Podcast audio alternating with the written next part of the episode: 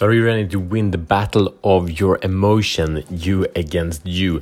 So, your emotions, uh, some people say that emotions create feelings, uh, or emotions create thoughts, or thoughts create feelings.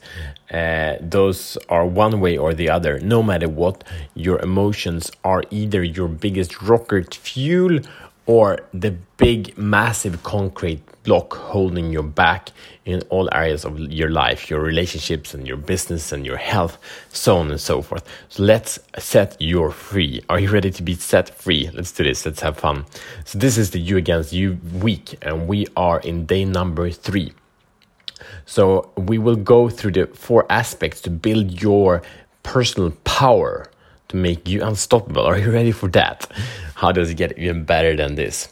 So, if you want to check in right now, like we want to start with awareness, we want to start with the truth of where you are. So, if you look at any kind of results that you have in your life now, check in what are your emotional situation uh, causing that result to show up. So the classic formula we've been talking about is thoughts becomes feelings, and feelings becomes actions, and actions becomes uh, results. But we can also we can start it because this is like an addictive part pattern. It's like emotions are habits. So what does it mean?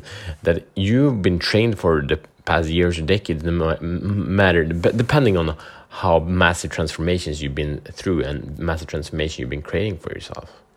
So, so these are habits, meaning your emotions are built in your morning routine. Your emotions are built in your drinking your coffee, drinking your water. So it means when you're drinking your water, you are feeling in a different way than other people feel depending on the triggers and the meaning that you have set to these activities.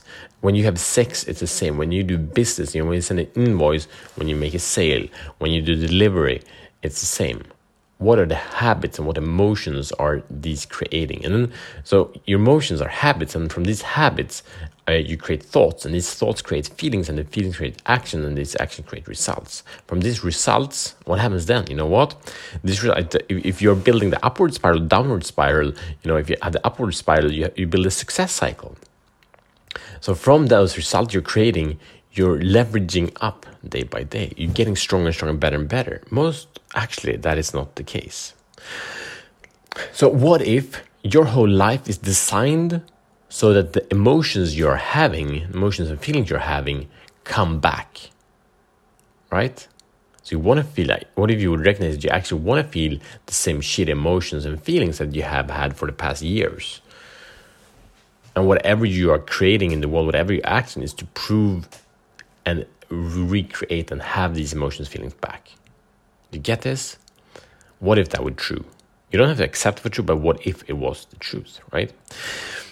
Um, so if you stay on the same emotional center, if you are aligned, if you have your emotions, if you look over a day or over a week, if you would rate your emotion from 1 to 10, this is not in the, in the mission, but if you would rate them from 1 to 10, 10, 10 being like super constructive, and one is super destructive. Basically, you don't learn from them, you don't take action from them. Yeah. So in the motion game, we have one recognition is super super important. There are no positive, there are negative emotions or feelings. They just have different meanings. So when you're happy, it means that you're doing something good. If you feel joy, you're doing something good. And all these feelings says like, yeah, I want more of that, right? So just do more of that. But then a lot of people say, oh shit, I'm sad, I'm, I'm in grief, or this kind of feeling, emotions. But it, this, the truth is that these are just signals that you can harvest. Like, what is the learning behind here? If, the, if you feel sick, you know, the learning is that don't eat that food again, right? Or don't breathe in that way again, or don't hang out with a person that makes you feel sick, right? So it's a learning. So don't do it again, and you will not have the same reaction. So the body is sending you information, is sending you uh, learning feedback loops. Most people don't learn, so they have the same negative, kind of destructive feelings and emotions over and over again. But as soon as you feel rage, and you felt rage because someone, someone, something broke your boundary, and then you're gonna protect your boundary or reset the rule for how someone can break your boundaries again. When you do that, you don't will never have the same rage again. All right, so we have two aspects of, of, of you against you in the emotional game, and that is we have the external, have the internal. So in the external, we have your emotions, your feelings are created from your environment. So when your kids cry, when your boss yell at you, when your girlfriend rejects you, or just says that she loves you, that's the external triggers that all affects your emotions and feelings. True? And this is what most people that are victims, they are accepting that this is what needs to change for their feelings or emotions to change. However, that is just a fraction of the truth.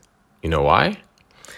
Because all your feelings and emotions are not created from these external events. Like again, if if if, if two people are in a car race or go to a holiday and during that holiday uh, it rains the whole week. These two people uh, will feel differently right? And why? Because they have different stories of what the meaning of things is.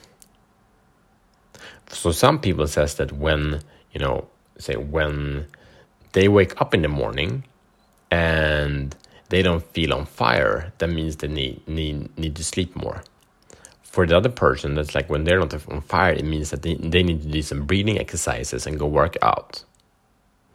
So the same external experience or say again it's raining outside meaning i will go for a 5k run or in some other people say okay i'm gonna take uh, you know an extra nap so the same external trigger but it means a completely different interpretation of what the meaning and what the harvest is from that so what stories are you telling from your external triggers no matter what it is you know, for example, you check in on your bank account. What's the story you're telling about that? Doesn't matter if you're a millionaire or billionaire or broke.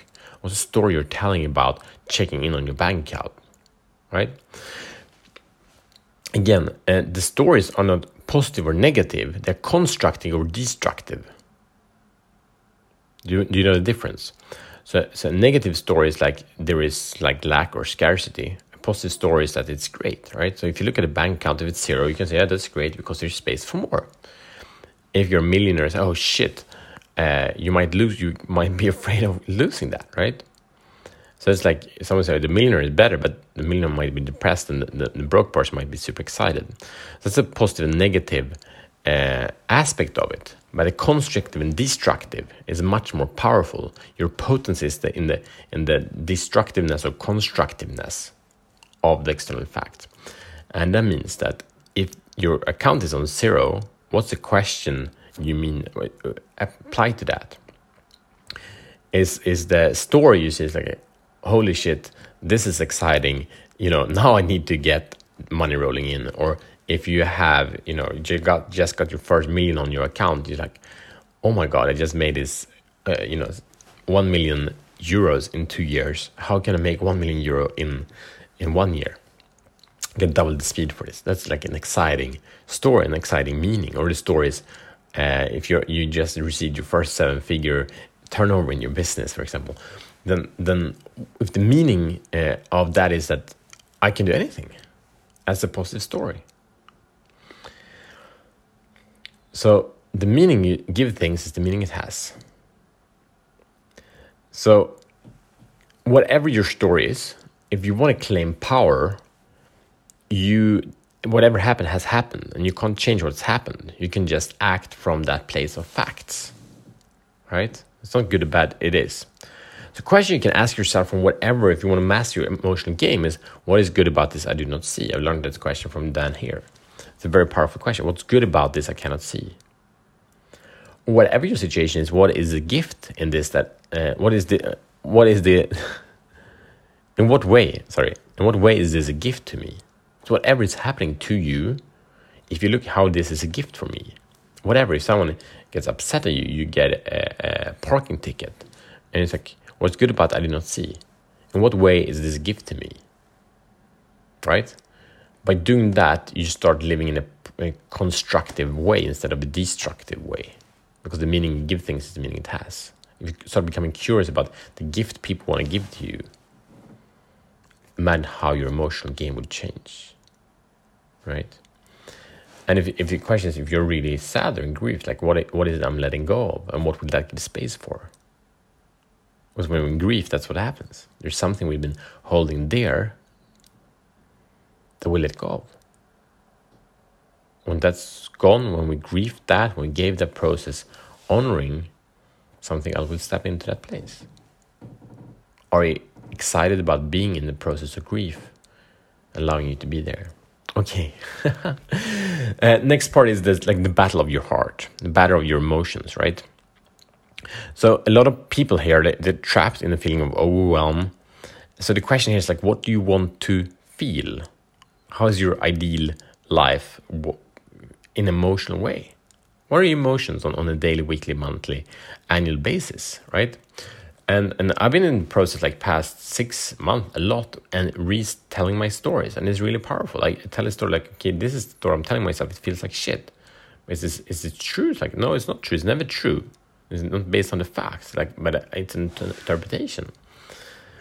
And then it's like, so what I want, and after I recognize what I want, like what is the story that will give me what I want? It's really powerful. If you just ask those questions, your life will change. So go to place like how do you want to feel, and then to this powerful question. What places, people, and experiences can create that? That's the external solution. So that's your, first your, your number one mission if you choose to accept it. Identify what you want to feel. Number two, what people, places, and experiences will definitely create that. You know what makes you feel good.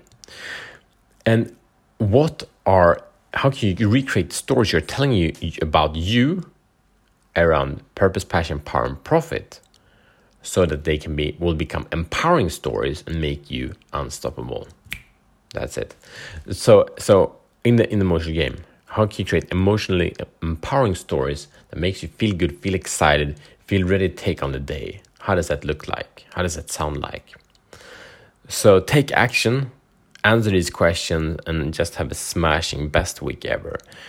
If you want a tool that supports you to level up, get a Shut the Fuck Up Life Mastery Planner that makes you create your day consciously, master your emotional game, win the game of you against you, and, and harvest your genius and learn day by day.